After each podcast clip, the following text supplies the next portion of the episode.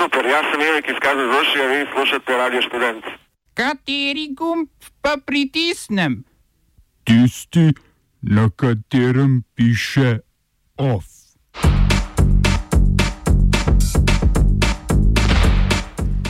Biden najverjetnejši zmagovalec ameriških volitev. Propadla pogajanja o jezu na Nilu. Odstopil Hasim Taci. Zoran Jankovič oproščen v zadevi Gratel.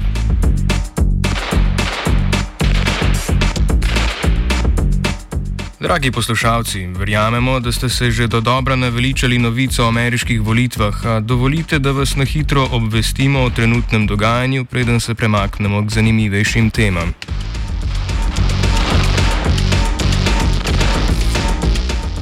Kot vse kaže, bo naslednji ameriški predsednik postal demokratski kandidat Joe Biden. Zmago mu resno lahko ogrozile še rezultat v Arizoni, kjer drugače kot drugot po državi med glasovi po pošti ne more računati na večinsko podporo.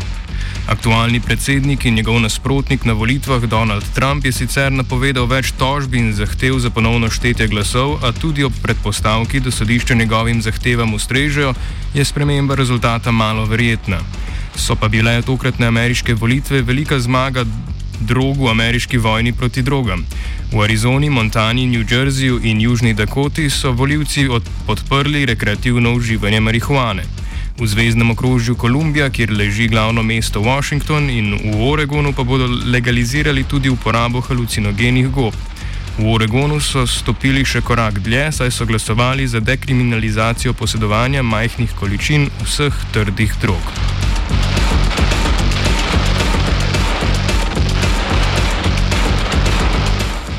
Nepozornost mednarodne javnosti, ki je bila uperjena v ameriške volitve, so izkoristili izraelski vojaški upravniki okupiranega Zahodnega brega, kjer so porušili palestinsko naselje, naselje Kirbet Homsa na severu.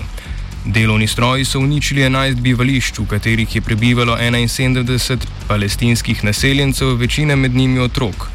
Poleg bivališč so porušili hleve za živino in številno infrastrukturo, kot so stranišča in sončne celice, ki jih kot humanitarno pomoč prebivalcem večina, večinoma donirala Evropska unija. Prebivalci trdijo, da želi izraelska vojska območje očistiti nezaželenih palestincev, predstavniki vojske pa so zatrdili, da so naselje odstranili, ker je bilo nelegalno zgrajeno na območju vojaškega strelišča.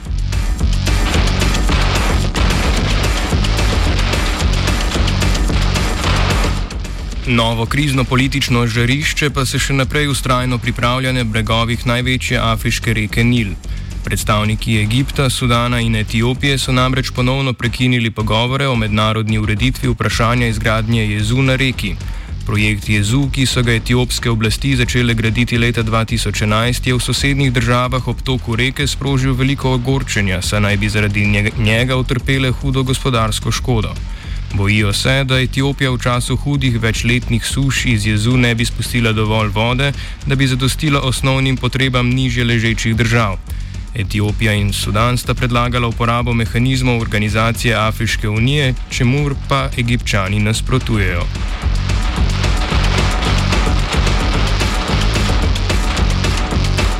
Ukrepom za zaezitev širjenja novega koronavirusa očitno niso ubežali niti inerci oziroma norke. V kunam, podobnim, podobnih živalih, ki jih redijo zaradi njihovega krzna, so namreč odkrili mutacije virusa, ki so jih že potrdili tudi v nekaterih ljudeh. Mutacije so problematične predvsem zato, ker bi lahko ogrozile učinkovitost cepiv, ki jih razvijajo farmacevtska podjetja po vsem svetu.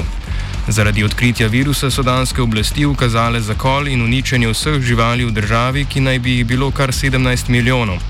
Danska letno proizvede 40 odstotkov svetovnega krzna teh živali, njegov izvoz pa državi letno prinese približno pol milijarde evrov. Z njimi se je nedvomno že kdaj okitil tudi patriarh Srpske pravoslavne cerkve Irinej, ki pa si s kunami deli še eno skupno lasnost poleg njihovega krzna. Tudi on se je namreč okužil z novim virusom.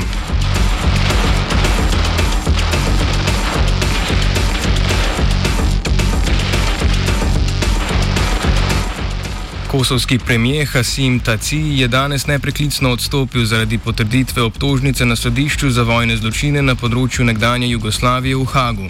V obtožnici, obtožnici sta Taci in nekdani šef Kosovske obveščevalne službe Kadri Veseli, ki to danes prav gotovo ni, obtožena vojnih zločinov in zločinov proti človeštvu med vojno na Kosovem na prelomu tisočletja.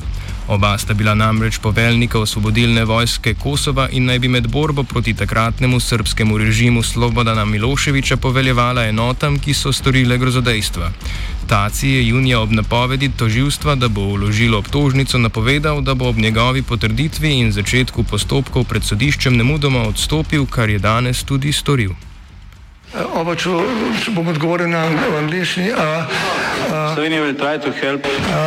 We can Slovenija will and we will do our utmost To say that the situation is our problem ourselves. and uh, We will make further steps as soon as the conditions are bomo vlado Marjana Cererja, Mira, Marjana Cererja Šarca podprli. ve- very, very serious. we know how and we will.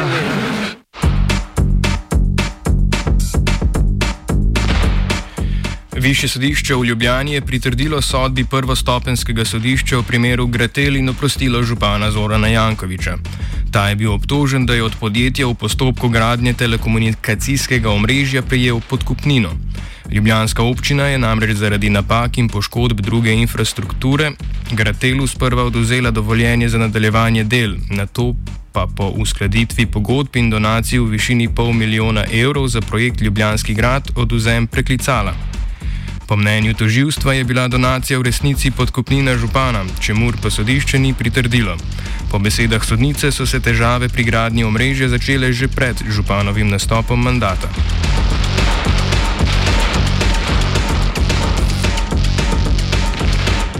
Delovno in socialno sodišče v Ljubljani pa je zavrnilo zahtevo Darka Muženič, Muženiča po ustavitvi postopkov za iskanje njegovega naslednika na čelu nacionalnega preiskovalnega urada.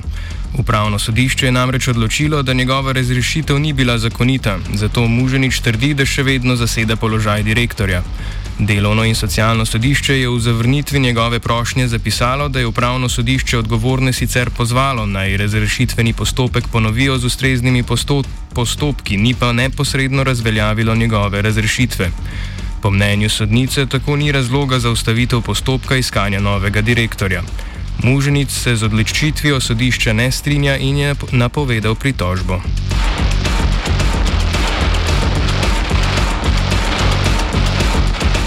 Komisija za preprečevanje korupcije je objavila izsledke raziskave o korupcijskih tveganjih v času nabave zaščitne in zdravstvene opreme ob prvem valu novega koronavirusa.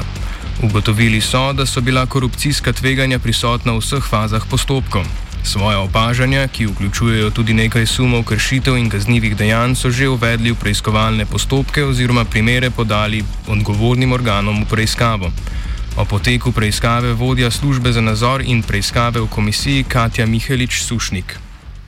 V okviru tematskega nadzora je komisija pregledala vse zadeve in institute iz njene pristojnosti in sicer področje nasprotja interesov, omejitev poslovanja, protikorupcijske klauzule, lobiranja, premoženskega stanja zavezancev, zahtev neetičnega ali nezakonitega ravnanja in pa ugotavljanje korupcijskih tveganj v teh postopkih nabav zaščitne opreme. Kot je že povedal predsednik uvodoma, smo v okviru opravljanja tematskega nadzora, ki je prvenstveno namenjeno ugotavljanju tveganj z namenom preprečevanja njihovega udejanjanja v praksi, ugotovili tudi sume kršitev zakona o integriteti in preprečevanju korupcije in sicer z področja protikorupcijske klauzule ter zahtevne etičnega ali nezakonitega ravnanja v smislu vplivanja posameznikov na postopke, ter bomo pri tem uvedli nadaljne postopke preiskav. Off je spočel koruza. Off.